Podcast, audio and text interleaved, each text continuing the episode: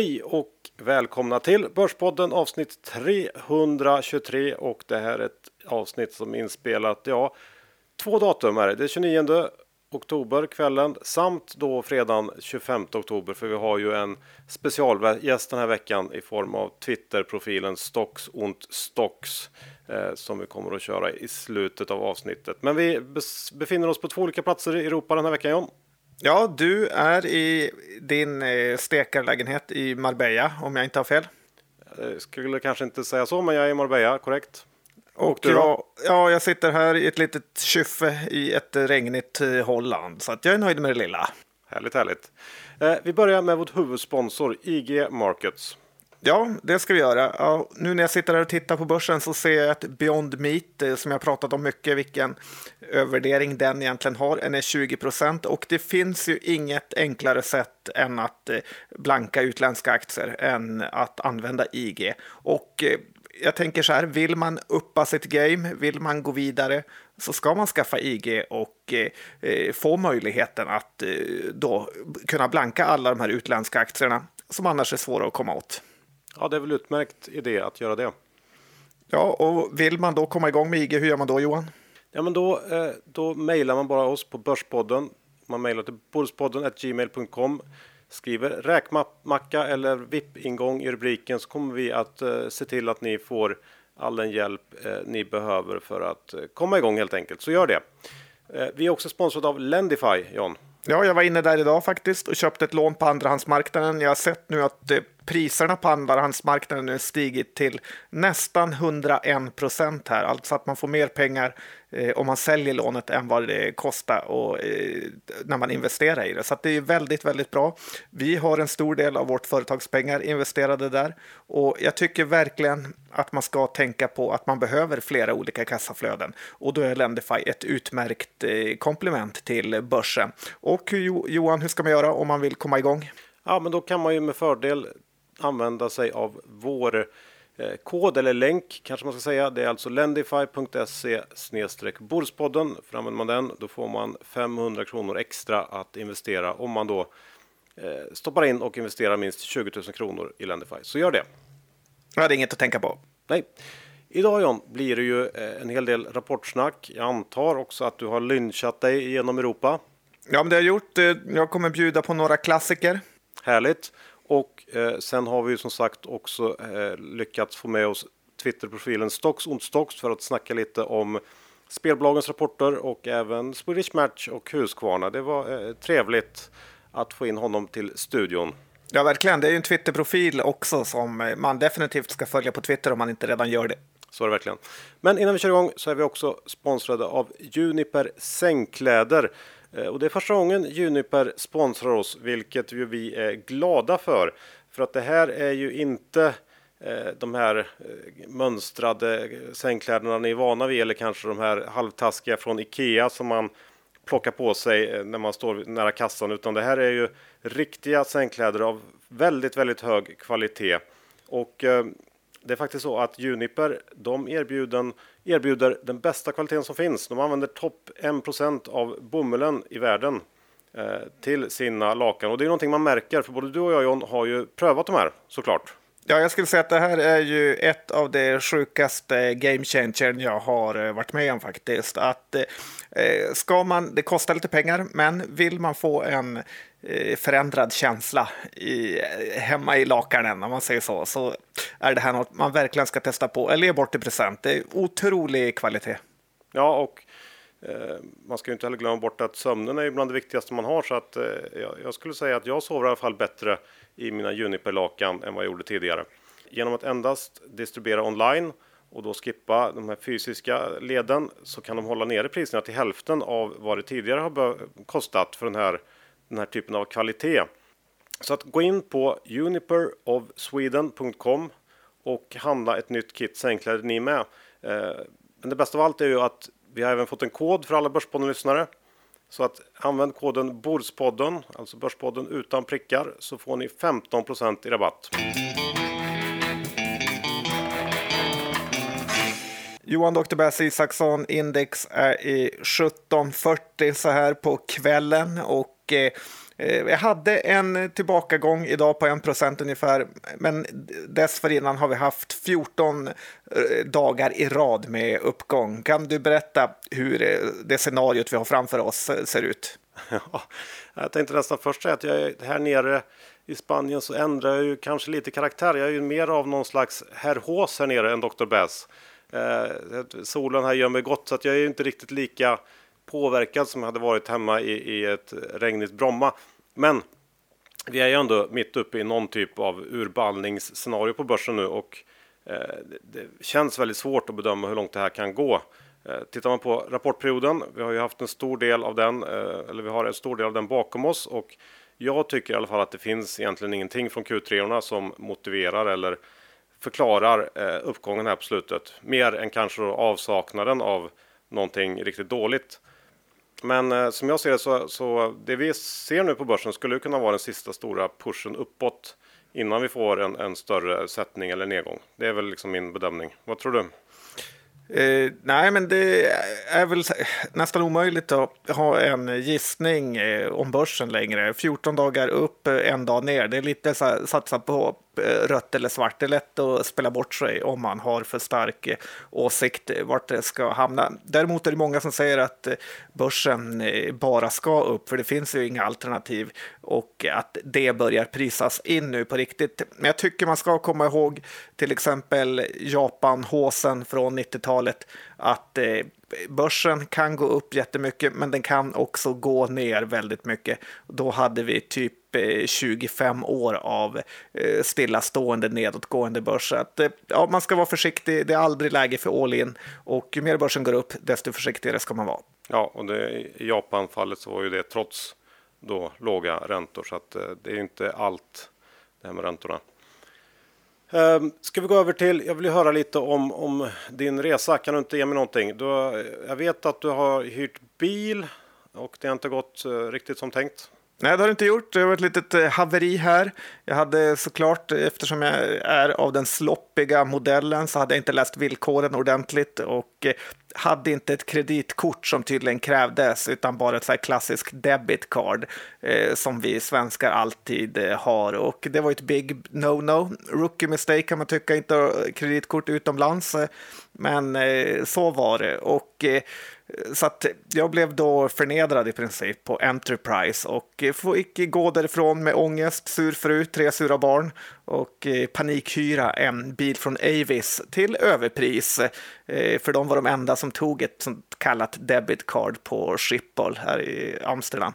Eh, men det fick mig ändå att kolla upp de här noterade hyrbilsbolagen som finns i USA. Och det är ju Hertz och Avis Budget då.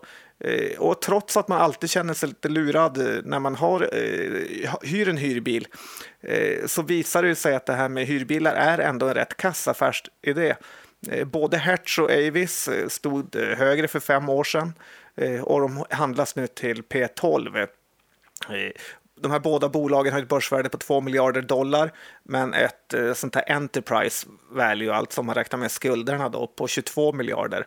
Så att det är extremt eh, skuldsatt. Det beror ju såklart på att de här bilarna är ja, det är skulderna som är bilarna då och eh, det gör ju också att hyrbilsbranschen är väldigt, väldigt känslig för andrahandsmarknaden på bilar.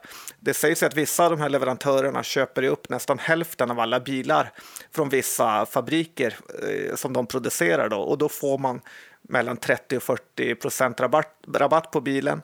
Eh, hyrbilsbolagen håller de här bilarna i två år som då hyrs ut såklart och eh, sen säljer man vidare bilen och försöker då eh, få break-even eftersom man kommer in, kom in så billigt då och då tjänar pengar på biluthyrningen under tiden. Men grejen är, går den här andrahandsmarknaden ner så är man som hyr, hyrbilsföretag eh, riktigt, riktigt illa ute och dåliga tider kommer ju med jämna mellanrum. Eh, så att den här eh, typen av bolag är ju ingenting för långportföljen. Eh, ändå intressant att försöka förstå sig på dem. Jag såg också att du la ut lite foton från H&M från din resa. Har du varit och lynchat antar jag i hm butiker Ja, men det kan du hoppa upp och sätta dig på som man sa på 1940-talet. Det här är ju så att jag är väl den svensk som faktiskt har besökt mest hm butiker utomlands och jag tycker ändå att jag har lite rättighet att säga saker. Jag måste säga att H&M i Holland är faktiskt i toppskick. Det är fräscha butiker och det är mycket folk. Men en annan grej jag tänkte på är ju det här att Stefan Perssons bolag Ramsbury flaggade upp som ägare för ungefär 300 miljoner i EQT. Eh, såg du det? Ja, absolut. Och eh, det här är ju aktier som han eh, förmodligen fått i IPO på rea. Och det fungerar ju så här i Finanssverige att alla vet att investmentbanker, alltså investmentbankerna, de vet att Stefan Persson ska få så han är nöjd. Sen kan man ringa resten. Eh, hm familjen är otroligt mäktig i Sverige. Det finns en story om att eh, när Jon Jonsson, den här gamla SSC Opportunity-mannen, Eh, när han jobbade på mm. Goldman Sachs så skrev han deras morgonbrev till eh, skandinaviska kunder. Och en gång skrev han eh, något negativt om eh, Stefan Persson. Samma dag blev han uppringd och fick kicken helt out of the blue. Det är den nivå av makt han faktiskt har.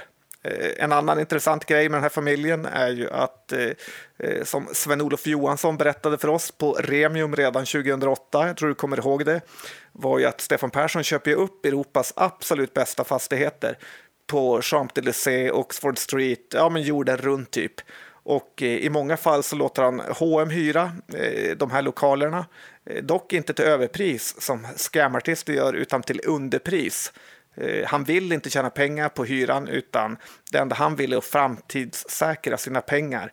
För de här lägena kommer typ vara attraktiva om flera hundra år framöver också. Så att, eh, eh, dessutom så sägs det att han köper de här fastigheterna kontant utan lån också. Och eh, tittar man i årsredovisningen i H&M så står det att H&M hyr lokaler av Stefan Persson. Så att, jag tycker det är intressant det han gör. Ja, men det är väl den typen av, av huvudägare man vill ha, såklart. Eller hur?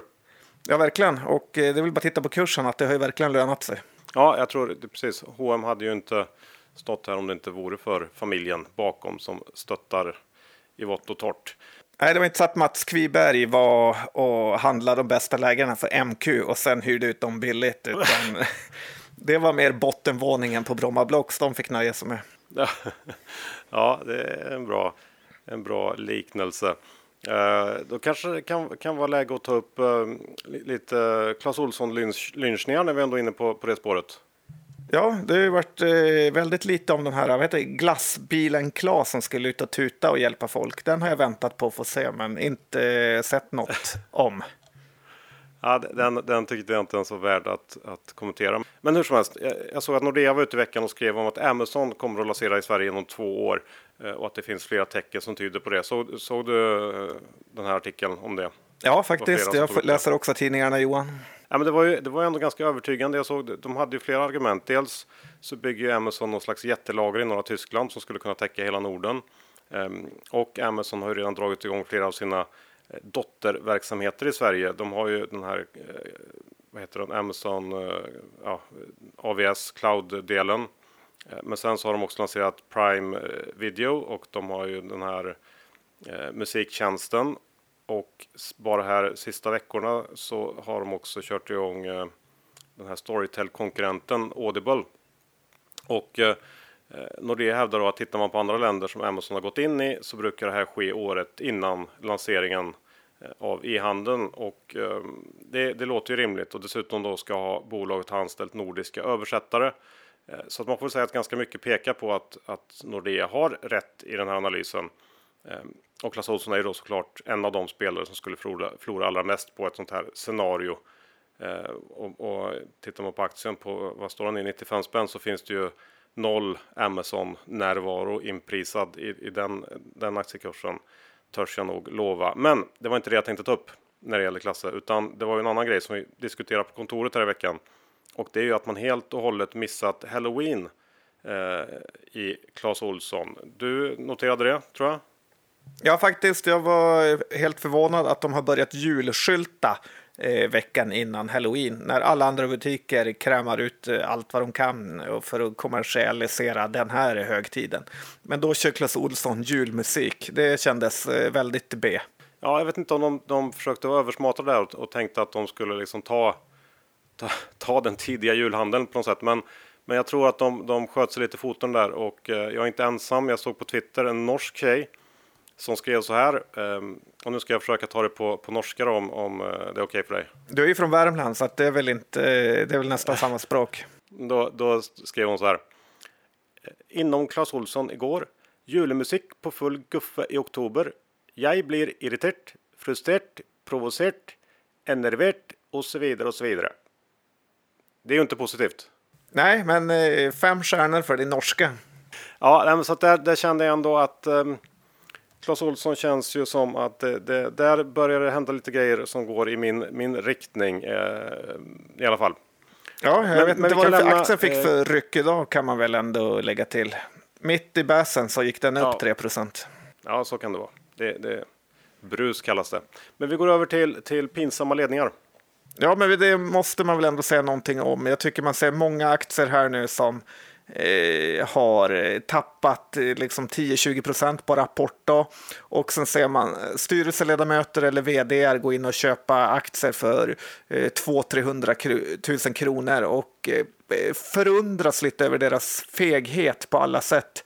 Eh, fega för att eh, de är för rädda för att satsa riktiga pengar, men också eh, fega för att de är rädda om sina inkomstbringande jobb. Så att de gör här en avvägning, att de satsar en liten, liten summa så verkar de committade och får fortsatt förtroende för att de verkar bry sig om företaget. Men de vet också att hur dåligt det än går så kan de inte förlora för mycket pengar. Eh, Jag tycker vi har sett det i NetEnt och eh, Bonava bland annat, bara för att näm- nämna några. Så att eh, är man insider och aktien kollapsar, klipp till ordentligt då, inte för nå- några futtiga hundratusen lappar. Nej, det är det här behålla jobbet, insiderköpet som vi har pratat om tidigare. Ja, det är trist. Ska, vi, ska vi avsluta första delen med Björn Rosengren då?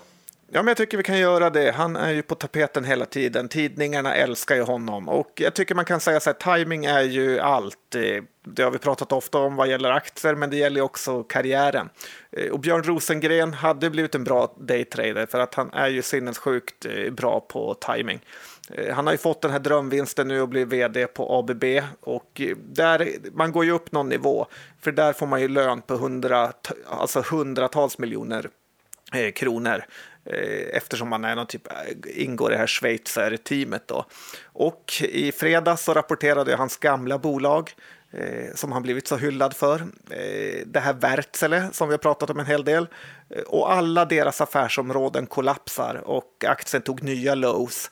Eh, den var ju i princip redan innan på all time low så att nu är det liksom uncharted territory av uselhet i eh, Wärtsilä. Eh, så frågan är ju egentligen hur mycket värde Mr Rosengren bidrog med egentligen och eh, om hans främsta styrka var en sån här smooth talker som kortsiktigt får aktiekursen eh, att gå upp men långsiktigt blir det nästan sämre än det innan var. Det är svårt att veta, men om vi säger så här, han har inte haft otur på ett privatekonomiskt plan i alla fall. Nej, men jag håller med där. Det är, ja, han har fortfarande en hel del att bevisa eh, i ABB, så det blir spännande att följa.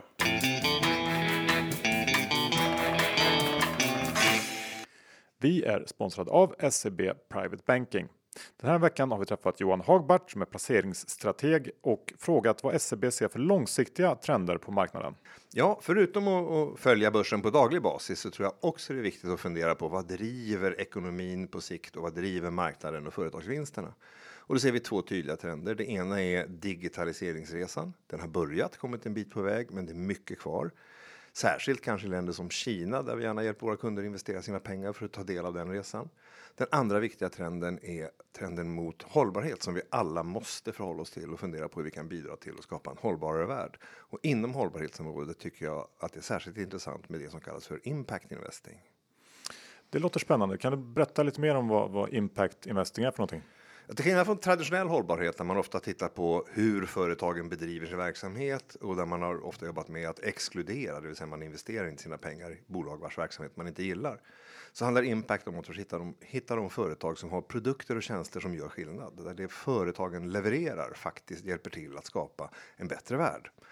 Eh, det kan vara företag inom energisektorn till exempel som producerar förnyelsebara bränslen. Eh, förnyelsebar el istället för att jobba med fossila bränslen. Det kan vara företag som gör den resan att förändra sig åt det hållet. Det här är produkter och tjänster som måste efterfrågas i framtiden mer än idag och de företag som är verksamma här bör ha bättre förutsättningar än andra att skapa både bra avkastning och göra skillnad. Där hjälper vi gärna våra kunder att investera sina pengar. Tack för det Johan. Gå in på seb.se private banking. Där kan du läsa mer om private bankings erbjudande och få kontakt med private banking på SEB. Om du då vill ha hjälp av Johan och hans kollegor.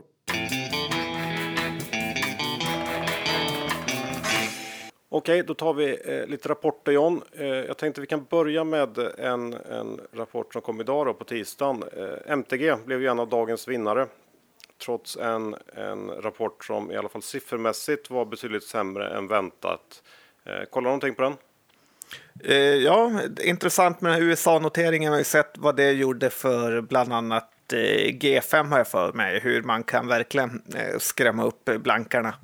Men eh, som sagt, ja, i övrigt såg den inte jätteintressant ut. Nej, men jag tror att det som, som fick aktien att rusa, det var väl, den stängde väl 15% upp ungefär var väl det här beskedet om att man nu undersöker möjligheterna att eh, renodla det här bolaget ännu en gång så att det ska bli ett rent e-sportbolag. Eh, för om vi tar en liten snabb recap här så är ju nuvarande MTG, eh, det är ju eh, de e-sport och gamingverksamheter som blev kvar efter att man då tidigare i år knoppade av tv-affären som nu är eh, Nent eller Nordic Entertainment Group.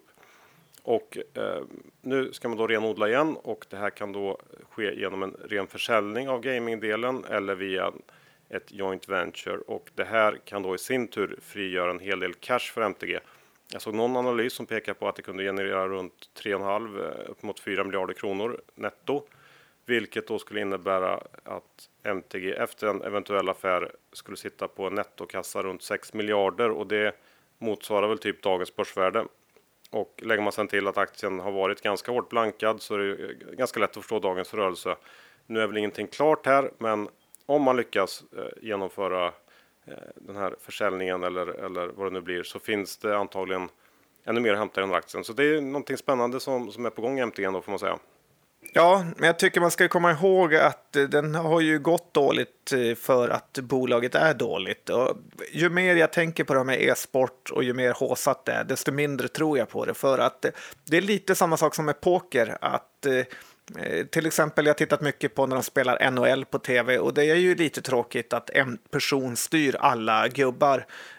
För att det som är en tjusning med sport är ju att det finns 10-11 personer som kan hitta på sinnessjuka grejer och det är mycket mentalt eh, som gör det roligt att hänga med i sportens värld.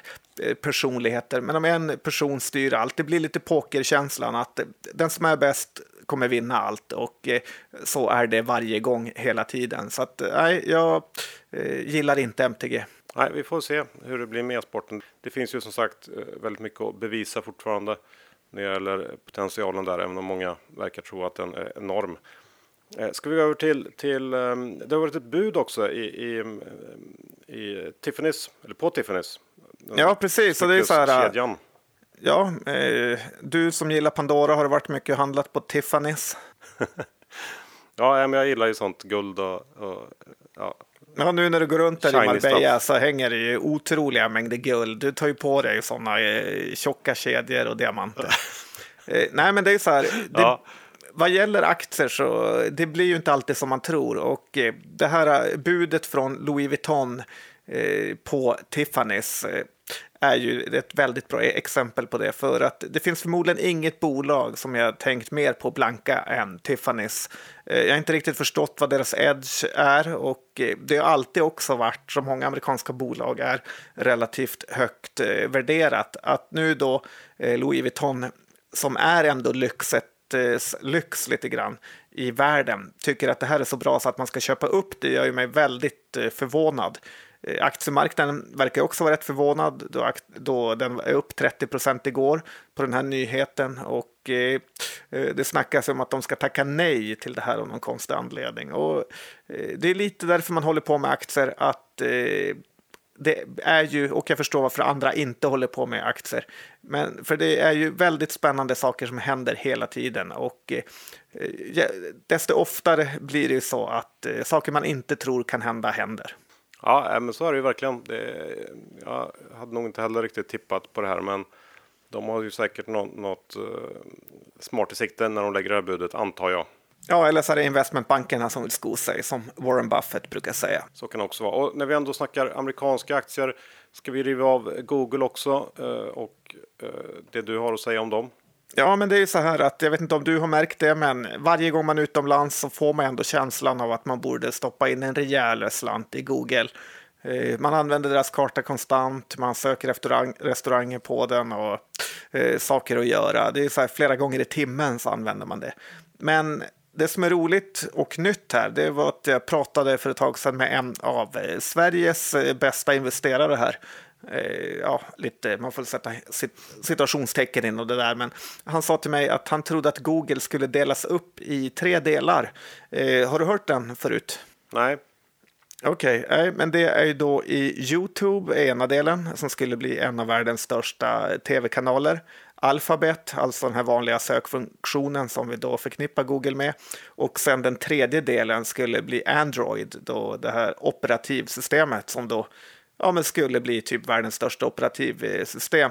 Eh, så att, eh, jag tycker det är en intressant eh, grej och om Google skulle tänka på att dela upp sig så det är bara att titta på MTG. Att, eh, men jag tror här finns det i världen på riktigt om Google valde att göra det faktiskt. Så att eh, ja, har man en slant över så tror jag inte Google är en dålig investering. Å andra sidan är väl det alla, alla liksom myndighetspersoner vill eh, när det gäller de här stora techbolagen, att de ska liksom, lite så här antimonopolgrej, att man ska dela upp dem och, och, begränsa dem och göra dem mindre mäktiga på något sätt. Så att jag är inte helt övertygad om att det skulle innebära att det, ja, att det skulle bli bättre för Google att vara uppdelad än, än att vara eh, som en stor mäktig koloss.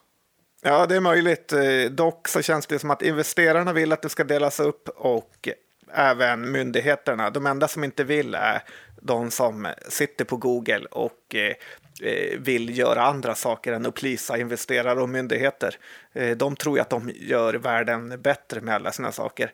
Jag vet inte om de gör det, det kanske är så, kanske inte. Men eh, ja, jag har svårt att se att det skulle vara negativ nyhet att dela upp Google. Ja, vi får se. Vi, får se.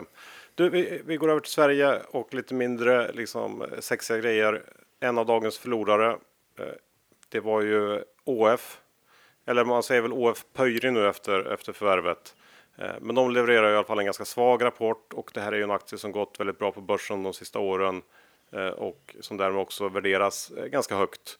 Och då duger ju inte en organisk tillväxt på knappt 1% och den var ju dessutom boostad med, med en halv procent av kalendereffekten. Och samtidigt kom, kom resultatet in ungefär 5% under konsensus. Ehm, um, OF skriver också i rapporten att man märkte av en mer tvekande marknad här under kvartalet. Eh, så med en tillväxt som mer eller mindre helt avstannat och så lite sämre lönsamhet än väntat kombinerat med en, en hög värdering och tveksamma utsikter. Det tycker jag gör att den här, den här aktien känns ganska ohet ändå eh, som det ser ut just nu. Jag vet inte hur du, om du har någon annan syn på den. Nej, men man förknippar ju ÅF mest med det här när man åker hiss så ser man att ÅF eh, kontrollerar den typ var tredje år. Så att det, det är inte riktigt premiumföretag-känslan som man får som de vill måla upp.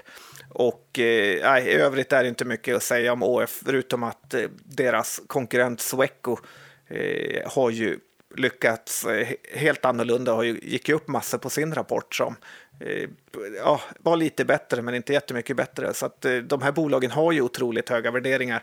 Jag tycker man ska sälja dem båda och eh, leta efter billigare bolag. Ja, då går vi över till Swedol. Ja, här pratar vi inte heller high tech. Om de fick kontrollera hissar hade de varit glada. De kom också med en ganska dålig rapport här och frågan är om vi ser en lowballning av Nordstjärnan inför att de vill lägga bud på Swedol eh, eller om Swedol har blivit riktigt på dåligt. Eh, Nordstjärnan, för de som inte vet, äger ju 70 procent av eh, bolaget och det skulle inte vara förvånande om de plockar ut det. Det här senaste rapporten visar ju att bolaget är billigt, men frågan om, om de är på väg att bli ett Clas Olsson som satsar lite för mycket på butiker och på att butikerna ska sälja sina egna produkter som kanske ingen vill ha. Eh, man ska komma ihåg också kanske att Nordstjärnan äger en stor del av NCC så att de tvingar säkert sina bygggobbar att handla kläderna där. Eh, men de här försäljningsrapporterna som Swedol eh, släpper varje månad visar hela tiden på bra siffror. Men det är snarare så att eh, man blir lurad som investerare om man tror på dem för att eh, lönsamheten har inte alls eh, hängt med. Och för då går kursen ner. Det här tror jag är andra rapporten i rad som det händer. Jag står utanför Swedol även om jag tycker att det känns ganska intressant med det här Nordstjärnans möjliga bud. För det finns ingen anledning egentligen att den ska vara noterad med så lite andra aktieägare. Men att köpa bolag för att det kanske ska komma bud brukar ju vara en grundkurs till att förlora pengar. Ja, och, och, dessutom så har man ju någon slags konjunkturrisk i, i Swedol. Det är inte säkert att det här håller i sig i all evighet och um, sen är väl frågan eh, på vilken nivå ett eventuellt bud skulle komma på också. Det, de har ju som sagt redan 70 procent så att jag vet inte riktigt hur mycket de vill betala upp. Uh, svårt att säga kanske. Nej, det kan ju också vara smart för att hålla ledningen på tårna att man är börsnoterad, även om bara en väldigt liten del är eh, så kallad free float. Eh, jag tycker man ser det i många bolag, som investmentbolag som jobbar så, typ Latour och Lundbergs och de här. Eh, så att det, det, är möjligt att det aldrig blir utplockat. Ja, sen har vi ju eh, Capitals favorit, Nylandgruppen, gick såklart upp på sin rapport. Ja, det är inte många fel den karn gör. Eh, han fick i och för sig inte jättebra betalt kan jag tycka, gick upp någon krona. Och eh, det var en rapport som var helt okej. Okay. Man var ju orolig att de skulle följa upp eh, sin värdelösa Q2 med en ny dålig rapport och eh, då bli, hamna i den här klassen som dåliga bolag.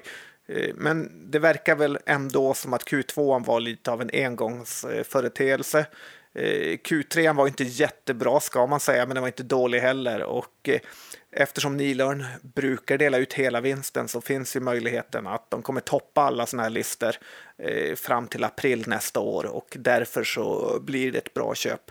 Jag har en liten, liten så kallad försäkring, eh, men jag skulle inte våga reka någon och köpa den riktigt. Eh, lite kul dock att eh, Nilans vd köpte det här dyraste huset i Borås någonsin, så att eh, eh, han borde ju ha lite att jobba för kan tyckas, för det vore ju tråkigt att ha det och sen få kicken från Nilarn. Ja, men alltid något. Um, och, och, jag tänkte ta upp uh, Autoliv som kom i fredags. Uh, kollar du in den? Gjorde du va? Ja, självklart. Det är ju ändå lite av ett eh, trading eh, höjdpunkt kan man säga och se när Autoliv släpper sin galna rapport mitt på dagen och en aktie som handlas i 800 spänn. Så att eh, vill man elda upp pengar så är det bara att sätta sig framför Autoliv-brasan. Så är det faktiskt. Eh, rapporten då, den var väl ja, halvkass sådär som det har varit på slutet och de tvingades ju igen att sänka sin helårsguidning. Eh, det var väl ingen skräll givet hur, hur den underliggande bilmarknaden går och aktien reagerar ju inte heller nämnvärt på den här sänkningen. Även om jag fick det till när jag räknade lite snabbt på det att, att det borde innebära att konsensusestimaten för resultatet under Q4 kommer att komma ner med 6% ungefär. Men marknaden verkar liksom på något sätt leta efter en, en vändning för Autoliv och eh, nu prisas det också in betydligt bättre fart under 2020. Jag tror snittprognosen ligger på, på lite drygt 10 i organisk tillväxt för hela nästa år. Och jag har väl ingen jättestarkt stark åsikt kring om det är rimligt eller inte. Men jag tror att, att eh, eller jag vet nog nästan att nästa rapporttillfälle kommer att erbjuda betydligt mer rörelse. Då, eh, det är ju då bolaget levererar sin guidance för 2020 och det är det som är viktigt i, i Autoliv-rapporterna. Eh, sen så har, har Autolivs aktie också kommit upp en del från bottennivåerna så det finns ju ändå lite förväntningar nu på att det ska vända här framöver och eh, samtidigt så har vi en del osäkerhetsmoment.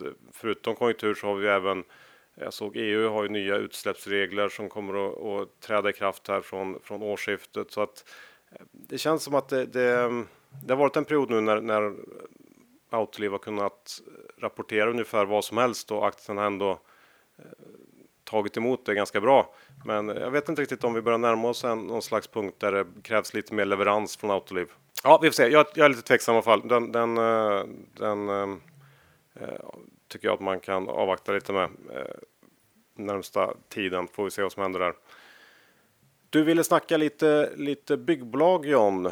Vi har ju två stycken som du vill ta upp, Bonava och Serneke. Ja, men jag dissar ju lite Bonava här att ledningen var pinsam när jag såg eh, Eh, hur lite aktier de köpte. Jag får väl hålla fast vid det så här tio minuter senare. Eh, men jag tycker ändå aktien kan vara intressant. Eh, Bonava har ju som vanligt en monster Q4 framför, framför sig då man gör nästan all vinstavräkning i det kvartalet när man lämnar över fastigheterna eh, till antingen investerare eller till bostadsrättsföreningar. Och eh, aktien har ju åkt på ordentligt eh, sen rapporten här.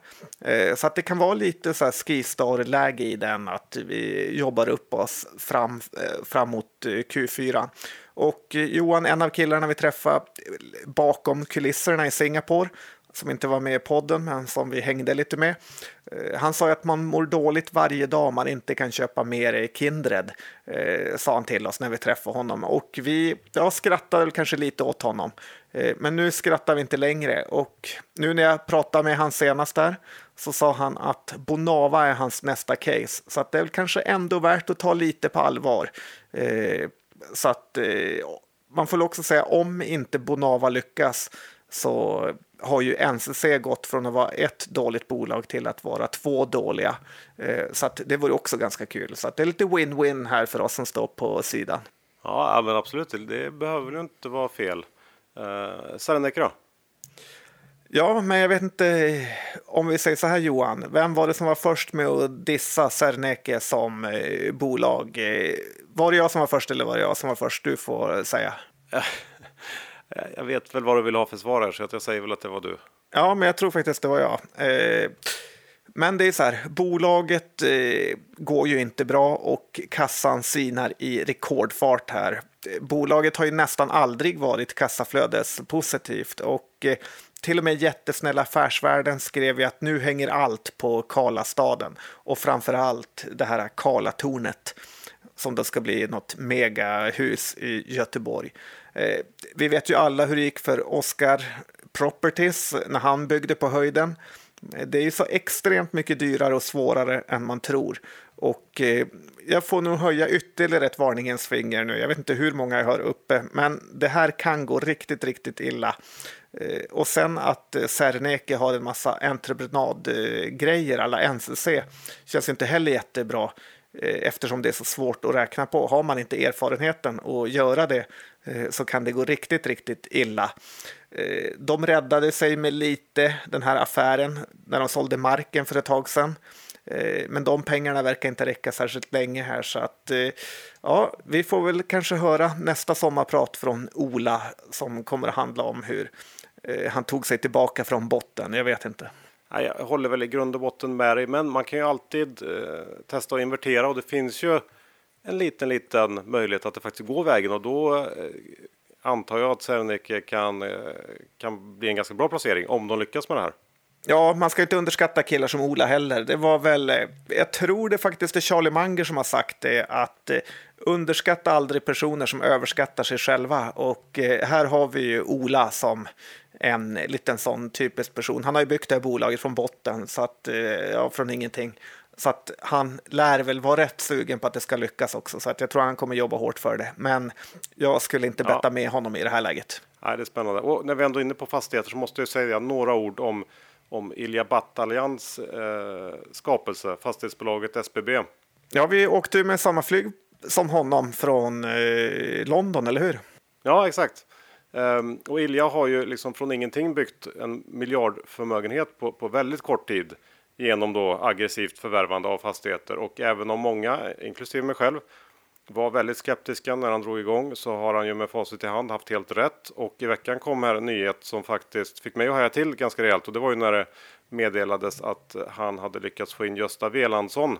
Eh, det är ju en gammal fastighetsprofil och, och storägare i bland annat Kungs, Kungsleden. Han gick in och tog en riktad emission på 400 miljoner till eh, 10% premie i SBB och ja, jag är ändå imponerad måste jag säga av hur Ilja har lyckats ratta ihop det här bygget. Eh, även om jag inte har någon, någon egentligen åsikt om, om bolaget eller aktien, men det är imponerande. Ja, han har ju verkligen byggt det från ingenstans och det är de som säger att han har ju styrt upp eh, Nynäshamn här var han kommer ifrån i grund och botten.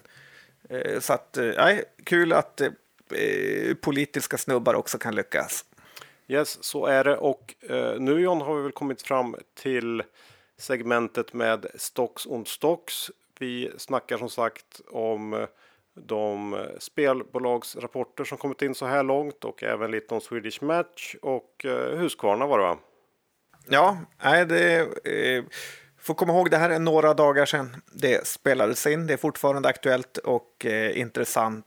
Några aktiekurser kan ju vara lite eh, annorlunda, men hör och lär av en av de mest aktiva tradersna som vi har där ute.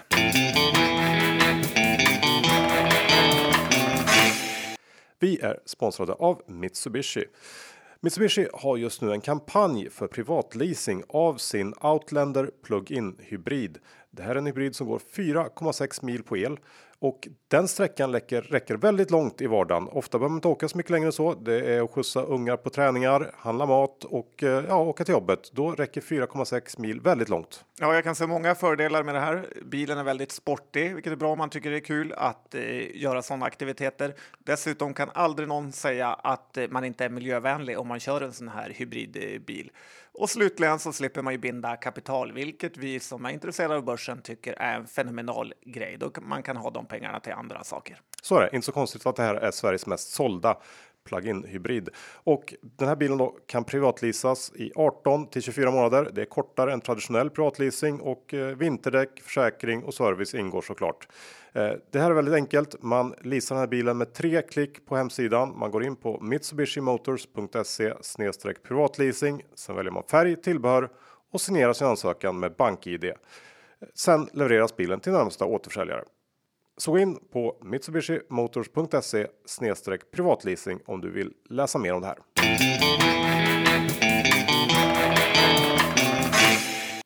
John, vi har ju med oss en eh, specialgäst idag som utlovat.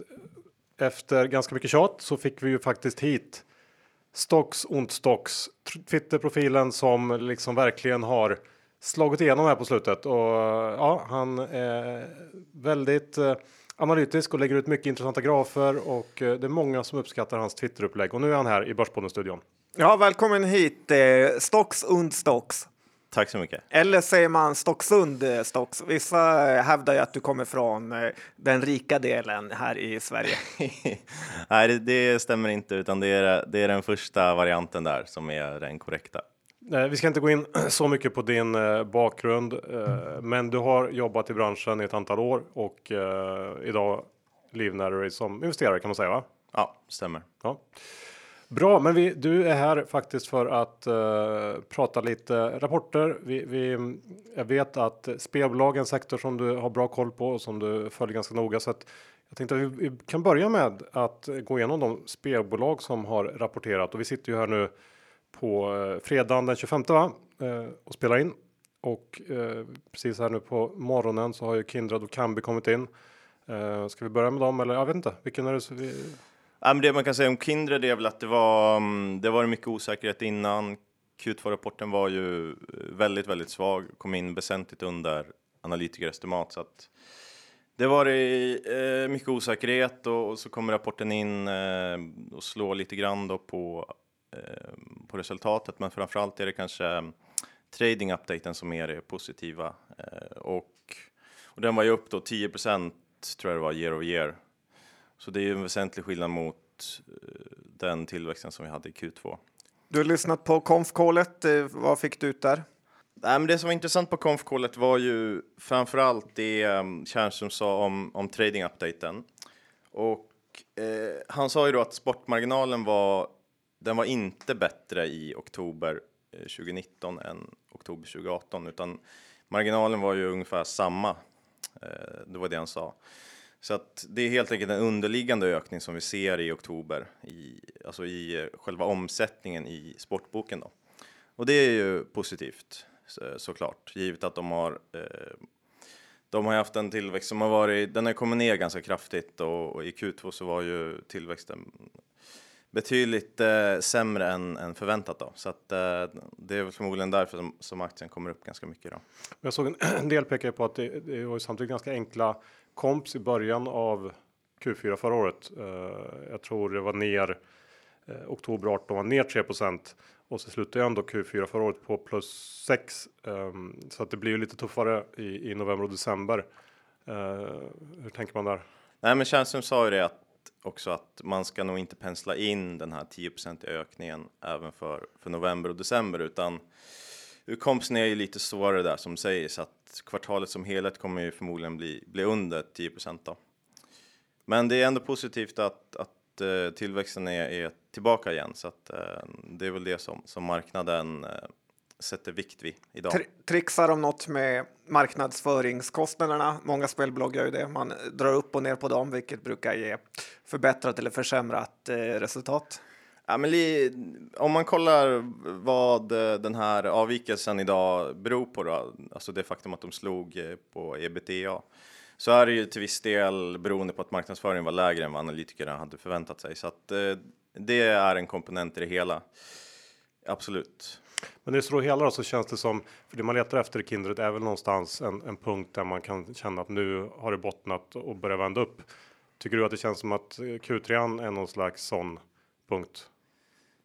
Ja, men lite så är det nog för att eh, och det som är viktigast här nu tror jag är att fotbolls-VM är bakom oss, att kompsen blir betydligt bättre när vi när vi går in i Q4 eh, och även när vi går in i 2020 så att det, det, det kan vara en liten vändning. Men sen har vi också 2021 så har vi Holland som, som ska reglera sin marknad eh, och eh, som det verkar så har Kindred en, en, ganska stor exponering där i Holland så att eh, det kan ju vara så att 2020 blir, blir ett hyfsat år men sen så blir det jobbigare igen 2021. Mm, ja, den är lite, lite jobbig sådär de närmaste åren Kindred då oavsett vad man nu, mm. den var nere och bottnade på strax under 50 och nu Eh, när vi spelar in här runt 66, 67 kanske. Eh, jag vet inte riktigt hur mycket mer uppsida man, man kan hoppas på att få här. Vad, vad känner du? Jag har väl inget sånt långsiktigt, långsiktigt vy egentligen gällande Kindred, men det är klart att alltså om, om man tänker kortsiktigt så efter en, efter en sån här rapport eh, som, som minskar osäkerheten ganska rejält så är det klart att aktien kan, kan säkert fortsätta upp lite efter det här. Men långsiktigt så så har jag inte någon direkt stark vy gällande Kindred. Men, men, men det är ju ändå också lite intressant att höra vad de säger om, om Sverige. Sverige verkar ja. ju fortfarande vara en marknad som inte eh, lättar ändå. Nej, det är ju men, stora nej. negativa ändå i rapporten. Ja, nej, definitivt så är det ju. Det är korrekt. Eh, och som det verkar också så, så kanske de börjar omallokera lite mm, marknadsföringsresurser från Sverige till, till andra marknader där de kan få lite bättre payoff då på på de investeringarna. Så att det verkar som att Sverige är fortsatt eh, väldigt svagt. Men man ska också komma ihåg det att, att kompsen blir, alltså Sverige, kompsen blir ju då, när vi går in i Q1 2020 så blir kompsen så att säga återställda. Mm. Eh, så det är, talar väl också för att 2020 kan bli kanske ett skapligt år. Mm. Berättar de något hur det går för dem i USA? Det har ju ändå varit en stor del i hela den här sektorn. Nej, det, det de säger är väl att det, det är ingenting som kommer bidra till, till resultatet kortsiktigt, utan just nu så kostar det pengar. Eh, så att det, det är nog mer en långsiktig möjlighet, så att ingenting man ska sätta sitt hopp till kortsiktigt skulle jag säga. Nej, jag tänkte bara, jag, jag hade ju eh, Kindred eh, för några veckor sedan här som någon slags inför rapportbett, men som jag ändrade mig när jag fick de här eh, septembersiffrorna för just Sverige och jag, jag man får väl så här i efterhand säga att jag la lite för stor vikt, vid dem eh, när, när jag bedömde Kindred. Så att eh, eh den, det är ju inte så stor del längre av, eh, av bolaget heller. Nej. Nej, men det är väl runt kanske 10 brukar analytiker säga, så att jag tror att det ligger någonstans där. Så att det är ju. Och det minskar i rask, rask takt. Ja, det gör väl det också. Men, men det, det, är en grej jag tänkte på som, som jag såg att han hade sagt Henrik eh, var ju att Eh, Eh, och som flera andra spelare också varit inne på är ju det här med att kanaliseringen känns som att den kanske snarare försämras än förbättras eh, och att det har, har liksom accelererat här på slutet. Och han tog upp frågan om att det kanske behövs eh, B2B licenser också, förutom eh, de här operatörslicenserna. Eh, och det var ju liksom ett lite nytt grepp som inte jag hört om innan. Det kanske skulle kunna vara någonting. Men jag känner i alla fall att jag, jag tror att Sverige Eh, Sverige kommer ju inte eh, bli en bra marknad för de här bolagen innan eh, myndigheterna hittar på någonting mer för att som det är nu så, så funkar det uppenbarligen inte och det känns som att eh, många bolag har ju fattat det här och börjat eh, verkligen satsa på Sverige utan licens för de märker att det, det är ungefär lika lätt som det var innan licenssystemet kom. Eh, så att jag, jag, det känns som att det där kommer ju att det kommer hända saker här tror jag och då, då kan det också vara värt att vara lite uppmärksam på de här bolagen. Eh, de som skulle kunna tjäna tjäna på, på lite stramare regler helt enkelt. Men en sak som jag undrar, har kanaliseringen någonsin varit 100 procent? Nej, men jag, Jag jag, menar att folk all, även alltid spelat på lite halvkonstiga sajter. nej, men jag tror att den har eh, för det finns en logik i det där att i början av året när alla kunde ge sina bonusar så var den ju antagligen ganska hög eftersom då var det ingen skillnad mellan att spela på licensierade och icke licensierade. Men ju längre har gått på året desto färre bonusar kan ju de licensierade ut så att säga.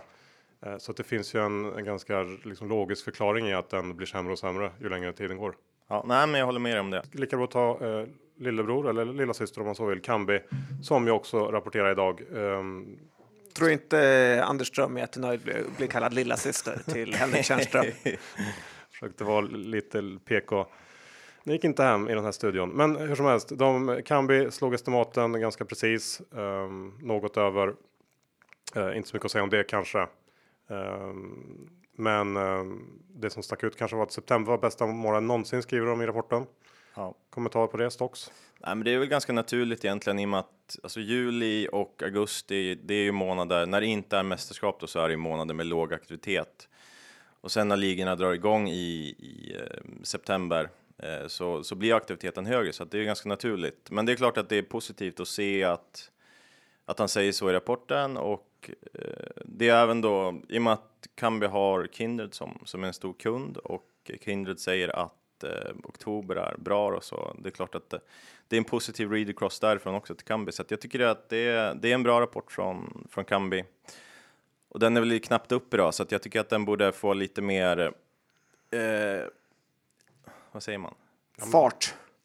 Ja, precis. Den borde få lite mer belöning kanske på den här rapporten kan jag tycka. Speciellt om man kanske väger in det du sa om Kindred där att att eh, de ändå, det ändå ser lite ljusare ut för Kindred så borde det på något spilla över eh, på Kambi eh, som dessutom står väldigt lågt de också. Nej, jag håller med. Definitivt. Så att Q4 för, för Kambi ser ju, ser ju rätt bra ut tycker jag. Ja, och då ska man också när det gäller Kambi så har de ju ändå varit ute och guidat för för att eh, kostnaderna skulle upp här under andra halvåret med tanke på alla nya kunder och framförallt Penn kanske i USA och eh, ja, så det, trots det så, så håller de ju i lönsamheten okej tycker jag och levererar ett ganska fint resultat. Eh, så att ja, jag tyckte också att det var en, en bra rapport. Ja, en liten eh, störning kan jag tycka att de, trots den här eh, omsättningsökningen så sjunker resultatet eh, från förra året, även om alla satsningar. Men en, man vill ju säga att det rinner ännu bättre. Nej, men det blir ju lite så att alltså när, man, när det är mästerskap då varannat år så har ju, du får ju den dynamiken i spelbolagen att, att när det inte är mästerskapsår då har du lite svårare. Så att, och det måste, man- måste man ha med sig när man, när man tittar på de här tycker jag. Så det är ganska naturligt. Ja, och sen tittar man även på det här underliggande, vad är det de kallar det, turnover index, så, så ökar ju det mer än, än omsättningen. eh, Så att man får lite motvind av, av marginal, sportboksmarginal varje kvartalet. Precis, och sen om man, Kindred sa ju det att deras turnover, den var ju faktiskt ner i, i Q3. Men det här kommer ju då ändras i, i Q4 som det verkar eftersom de sa att oktober, vi hade ingen bättre marginal där utan det är så att säga underliggande som, som ger den här ökningen på 10% som vi hade. Så att eh, turnover index kommer ju förmodligen vara ganska bra för Kambi i, i eh, Q4 då, Ja. skulle jag säga. Bra, men det båda ju gott. Uh, ska vi ta uh, gårdagens rapporter också? Net Entertainment och Betsson. Um, eh, kanske ska börja med Net Entertainment, för där hände det mest. Den var väl ner, jag vet inte vad den stängde, 15-ish procent ner. Ja, det var ner nästan 20 ett tag och sen kom insiderköp av nå, eh, gänget där så att då eh, klättrade den upp några kronor. Men stängde ändå ner väldigt mycket. Ja, hur som helst, en, en, ganska, en dålig rapport får man säga. Och det var väl, det var ju som vi var rädda för, eh, gammelnettan som, som underpresterade. Uh, vad har du att säga om den, Stocks? Ja, men det var, den var ju betydligt under förväntan och aktierna har kommit upp ganska mycket också innan på det här förvärvet då som de gjorde. Så att, ehm, och det är ju, vi vet ju det sedan tidigare att det är ju stora reaktioner i, i Netent ofta eh, på rapportdag. Så att det, är ofta, det kan ju ofta bli dubbel, dubbelsiffrigt i procent upp eller ner. Ehm, men, men rapporten var dålig, absolut. Och, och gamla Netent har ju problem, så är det ju. Mm. Det känns som att det, det, eh, NetEnt eh, är ett ganska svajigt case nu och då det, med tanke på all den skuld de drog på sig i samband med förvärvet så så eh, krävs det ju att, att det här går bra på något sätt eh, för att inte det här bygget. Det skulle kunna bli riktigt illa faktiskt om, om den här trenden, den underliggande trenden för gammelnettan fortsätter så, så går det ganska snabbt ut för känns det som. Ja, definitivt. Sen, men det som, man, det som man ska komma ihåg också är att de får ju lättare komps nu framöver så att det kommer ju göra det lite lättare då. Eh, men eh, absolut, de har ju alltså legacy business har ju stora problem som det verkar. Ja, och förvärvet Red Tiger, det- såg ju. Eh, jag tror man får säga att det presterar bättre än väntat. Va? Nu har jag inga. Jag, har inte några estimat i huvudet än, men det kändes som det. Ja, men jag tror bidraget var väl 30 miljoner från Red Tiger i, på, på revenues Ja. i, i Q3 så att eh, och sen marginalen var väl också stark för, för Red Tiger. Ja, det var runt 20 var i ebit så att. Eh, ja. Ja, precis. Det var ju väldigt stark marginal. Men vi vet ju fortfarande inte riktigt hur vad man ska räkna med för tillväxt då för för 2020 för det här. Eh, det är ju fortfarande lite oklart så att. Ehm, det är svårt att säga faktiskt nu tycker jag, men, men mycket hänger på förvärvet. Eh, så är det ju. Ja, och jag lyssnade på, på konfkollet där och eh, vd Therese Hillman var ju faktiskt eh, liksom uppenbart, eh, vad ska man säga, eh, uppgiven när det gällde just Sverige som ju är en, en starkt bidragande orsak till, till att det går så dåligt som det gör för Nettan. Eh, de har ju ändå haft en ganska stor andel av sin omsättning från just Sverige och eh, hon var ju verkligen eh, ja, uppgiven helt enkelt när det gällde svenska marknaden. Så att de har det tungt där och det är klart att det är också någonting som, som kommer att börja rulla ut lite grann ur böckerna vad det lider. Så det får man väl också ha med sig. Men ja, det är ändå trögt och eh, live-kasinot som de satsar på. Jag vet inte riktigt. Eh, Det, det verkar väl ännu inte riktigt hända så mycket där och det känns ju inte som att de eh, själva tycker att de har så där jätte, jättebra produkter heller faktiskt än så länge. Men de sa väl i konfkollet att förhoppningsvis så kommer de kunna i alla fall vara med och tävla om någon liten kaka. Eh, Men ambitionen att komma upp i, i liksom evol- evolution nivå eh, finns ju liksom inte, utan det, det sa hon till i, liksom rakt ut att det är, på den nivån är vi inte. Så bra på att filma roulettebord är de inte. Nej. Ja, nej, men ettan, har vi något mer att säga om det eller är vi nöjda? Ja, men jag är rätt nöjd där. Ja, ja. Eh, Betsson då? Pontus Betsson, ja. Lindvalls favoritbolag. Ja, där Betsson har haft stora problem. Ehm, de, de gör ju ett kvartal nu som är, det är ju i linje med förväntningar eh, kan man säga. Eh, dock är ju eh, trading updaten är ju, är ju svag, den är under förväntan. Nej, men det som är intressant gällande Betsson nu är ju att om du kollar på kompositionen av, av ebit nu då och även intäkter så ser det ut som att Turkiet har ju ökat väldigt kraftigt och är en väldigt stor andel nu av, av vinsten. Så att det är ju egentligen låg, låg kvalitet på, eh, på deras vinst och det, och det är ju ganska oroande för Turkiet är ju en marknad där man inte, det är ju inte tillåtet att, att bedriva eh, spel där. Då. Så att eh, om det skulle hända någonting där, då har du ju ett enormt problem för dem. Eh. En av mina källor sa att när de sålde in den här obligationen, eh, Betsson, att eh, de hade frågat hur stor del av vinsten som kom från eh, shady marknader och då hade de kommit fram till att det var nästan allt. Eh, så att eh, det är ju väldigt läskigt. Och framförallt om det är från Turkiet så är det ju eh, ja, kanske nästan den värsta av alla marknader. Värsta, worst of the worst. Ja, nej, men allt är det ju inte, men, men eh, Turkiet har ju en stor andel som det verkar och Holland är nog en stor andel också och där, där finns det också problem för tillfället. Så att det är svaga marknader som, som drabbar om. Så att, eh, ja, det, är, det är svårt att vara positiv till Betsson, måste jag säga. Mm, jag håller nog med. Å andra sidan så kan man ju säga att det här Turkiet problematiken har ju mer eller mindre alltid funnits Ja. i Betsson. Eh, Så det är ingenting nytt och känslan är väl också att Pontus gillar att eh, liksom hålla på och grotta i de här eh, icke-reglerade marknaderna och att det är lite det. Det är lite Betssons game. Sen så får man ju tycka vad man vill om det, men, men så är det ju bara. Å andra sidan har Turkiet aldrig varit så hatat eh, som det är just nu. Nej, bra. Ehm, då är vi och vad ska vi säga om eh, ja, Evolution kom ju också igår. Jag vet inte riktigt vad vi ska säga om det. Den var ju stark som vanligt höll jag på att säga. Jag har faktiskt inte lagt så mycket tid på den. Är det någon som har någon kommentar? Jag har sett eh, 300 giffar av Magnus Andersson, vilket eh, räcker för mig. Stocks då? Nej, men det är ju stark rapport eh, som vanligt. Jag vet inte, det känns som att det är tionde starka rapporten på raken nästan. Ja. Man har lite, lite gett upp och försöka hitta svagheter. Och så. Ja, men lite så. Kanske då det är dags i och för sig. Ja. Men vi kan väl passa på för att, att ta upp eh, lite andra bolag också när vi ändå har stocks här i studion. Swedish Match vet jag att du eh, har koll på. De kom också in idag. Starka synsiffror trots eh, allt du har sagt John. Ditt lynkända. Ja, Järfälla OKQ8 har svikit mig. Det kommer jag skriva upp i min svarta bok. Men det verkar gå väldigt bra för eh, eh, Syn. Har du någon kommentar? Ja, men det, definitivt. Ehm, De växer ju igen då sekventiellt i, med syn. Så att Eh, det, det ser väldigt bra ut tycker jag för dem. Sen kursreaktionen, den öppnade ju upp väldigt starkt och sen så har den fejdat lite och det var ju lite som vi, förmodligen som vi pratade om tidigare att eh, folk är lite rädda för vad som ska komma här från FDA gällande de här smaksatta cigarrerna. Och det beskedet är ju försenat, men, så att det kan ju komma när som helst. Så att jag gissar att folk är lite, kanske vill ta lite vinst då. Eh, och det är därför vi ser en sån här modest kursreaktion som vi ser ändå idag. Ja, men jag, eh, precis. Jag tror också det.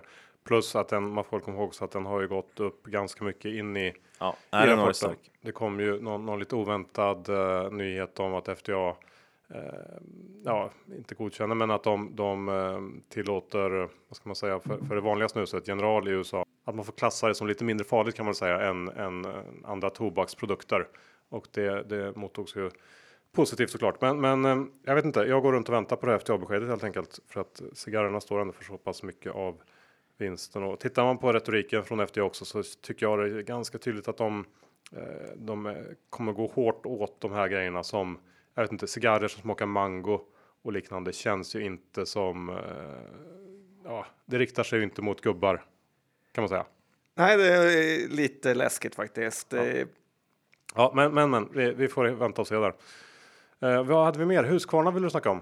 Ja, men Husqvarna är intressant. Um, analytikerna har ju, analytikerkollektivet har ju varit väldigt positiva. Jag tror nästan alla har köpt på den här aktien, eller haft köp i varje fall. Ehm, men sen så har de, de går in och det är lite lägre momentum i businessen nu, eh, som det verkar då. Och eh, det som är intressant att kolla på är, här är framförallt lagret och det har varit en väldigt stark lageruppbyggnad för Husqvarna. Och, och det är ju någonting som, som är eh, ofta då indikerar att det, det är sämre tider framåt. Ja, men det man framförallt kan säga om lagret är ju att ja, det har ju ökat då och eh, det innebär att de, måste, de kommer börja producera mindre eh, framöver och det gör att du får en, då en så kallad underabsorption i, i verksamheten vilket innebär att när du producerar mindre så, så blir bruttomarginalen lägre för att du, du um, kan inte sprida kostnaden på lika många enheter. Då. Så att det, är- det är väl det som jag ser där framåt är, är en stor risk i Husqvarna att ehm, um, bruttomarginalen kommer komma, komma ner ganska mycket. Då. Och samtidigt har ju det de säger då är ju då att USA är, är sämre men Europa är fortfarande starkt. Men om man kollar makromässigt så, så ser ju eh, ser ju Europa väldigt svagt ut eh, för tillfället och du har Tyskland som är som är den största marknaden för Husqvarna i Europa som är, som är väldigt, väldigt svag. Så att jag har svårt att se att, att Europa ska hålla uppe Husqvarna framöver då. Eh, så snarare att, att Europa kommer, kommer vika också för dem och, och, och då, då ser inte aktien så här jätteattraktiv mm, ut tycker jag. Då. Och hur, hur reflekteras det här på något sätt i estimaten? Eller hur, hur, hur tittar analytikerna på det? Ja, men estimaten har kommit ner kraftigt. Alltså analytiker var ju väldigt, väldigt positiva till, till marginalen nästa år eh, bara för någon månad sedan, men, men estimaten har kommit ner ganska mycket så att estimatrisken är ju, är ju ändå lägre nu då, men jag tycker inte riktigt att aktien har, har svarat på det här så, så mycket som den borde göra. Så att jag, jag ser nedsida i Husqvarna eh, kommande kvartal och de indikerade ju också att Q4 kommer bli svagt och sen men Q4 är ett väldigt litet kvartal för dem. De gör, de gör inte ens vinst på, på ebit-nivå i Q4. Så att det, det viktiga, de viktiga kvartalen är Q1 och Q2. Så att det blir intressant att se om det här, det här svaga momentumet eh, håller i sig då in, i- in i 2020. Ja, jag, jag köper det caset. Jag har aldrig gillat Husqvarna egentligen. Nej, men vad är det analytikerna ser som? För det är inte jättebilligt, de har hyfsad eh, nettoskuld. Vad, vad, vad tror de på som har köp? Nej, men det, caset har ju varit att marginalen ska kunna förbättras ganska rejält och framöver att de ska komma över liksom 10% och kanske upp mot till och med 11-12 procent. Så att det är väl det som har varit, varit caset. Eh, Och sen också robotgräsklipparna är ju någonting som, som många lyf- lyfter fram då som är intressant och det finns eh, strukturell tillväxt och så vidare. Så att det är främst de två detaljerna. Och sen har ju Anders Hägerstrand på DI eh, lyft fram Kai Wern som någon typ av eh, super-VD tycker jag. Jag har fått oförtjänt mycket beröm. Ja, ja. ja, det är möjligt. Nej, men han har väl ändå jag tycker han har gjort det bra. Eh, han har ju lyft marginalen ändå i, i Husqvarna. Men sen är frågan om hur mycket, det är ju en konsumentbusiness eh, så att säga och, och du kan ju inte få vilken lönsamhet som helst och, och marginalen har ju i princip aldrig varit över 10% under en längre period så att jag tror att det är svårt för dem att, att, att få upp marginalen rejält faktiskt. Ja, men och en bra eh, genomgång där av Husqvarna. Jag, jag kan bara lägga till, jag såg att någon, någon nämnde att ja, men det, det är rimligt att de ska kunna komma upp nästan mot 15% i marginal, men det, det tror jag det tror jag inte är, är liksom på kartan ens, utan eh, jag tror att de kommer ligga kanske runt 10 och sen om det blir bättre tider kanske att de kan komma över. Men, men som det ser ut nu makromässigt så, så kommer ju ekonomin snarare vika neråt så att eh, då tror jag inte man ska hoppas på, på för mycket marginalmässigt där. Nej, då är det ingen som köper robotgräsklippare. Då är det handjagare som gäller. Ja, sån har jag. Bra, bra. Eh, med de orden så får vi väl helt enkelt ta och säga tack till Stocks och Stocks för att du kom och gästade oss. Ja, tack så mycket för att jag fick komma.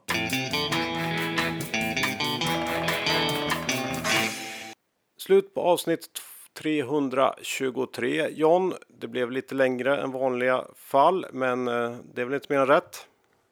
Nej, jag tycker att vi har mycket att säga om när vi är ute på resande fot. eh, Så att, eh, och dessutom så bidrog ju Stocks unt Stocks med bra kvalitetsaktiesnack. Så att eh, det får man inte eh, glömma bort. Nej. Eh, glöm inte bort vår huvudsponsor IG Markets. Vill ni ha en VIP-ingång så mejla oss borspodden gmail.com eh, och detsamma gäller ju för Lendify. Vill ni komma igång med ert sparande på ett bra sätt där och få 500 kronor extra att investera då skriver man eller då går man in på lendify.se borspodden då får man 500 kronor extra om man investerar minst 20 000 kronor. Eller hur John? Ja, det känns det fel att inte ha flera kassaflöden. Så är det.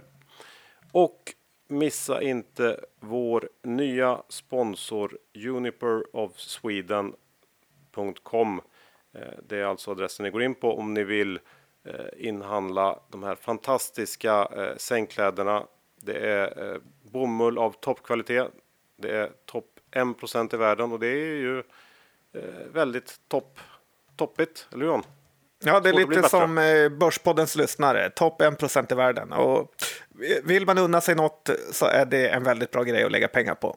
Ja, och det är väl ett bra läge att göra det nu när man har den här rabattkoden som ger 15% i rabatt. Det är bara att gå in där, unipersweden.com och använda koden BORSPodden. Tack också till SEB Private Banking och till Mitsubishi såklart. Hur är det med våra innehav John? Eh, en sån här vecka kan man ju fråga sig. Eh, vi snackar ju Kambi med Stocks. Kambi eh, har jag inte rört. Det eh, ligger jag lång som vanligt och eh, Claes Olsson var jag inne på där. De har ju, det är ju någonting mörkt, mörkt som tornar upp sig i himlen eh, framför dem. Så att det är klart jag ligger kort den aktien, eller hur? Ja, det kan jag förstå. Det kommer bli oroväckande när de köper Kjell Company så eh, kommer du kanske inte vara lika glad. Men jag förstår det ändå. Hur var det med det? Du, hur har det gått med det här Ikea eller Ica-budet förresten? Eh, Är det något ja, tjall? Är det något tjall på det? ja, det har inte gått igenom än. Men det snackas om det. Nej. Lotta säljs inte billigt. Nej. Nej, ja, hur är det med dig då? Nej, men jag har ju Kambi också, även om jag sålt lite här i uppgången vi har sett, eh, ska jag säga. Och jag har även en liten försäkring i Nilörn-gruppen här för att eh, ja, jag ska kunna se om jag kan tjäna lite pengar på Capitals aktienäsa. Ja, det kan du säkert göra. Bra, men då eh, var det väl det vi hade att säga, så vi tackar för oss och säger hej då. Det gör vi. Vi syns om en vecka. Hej då!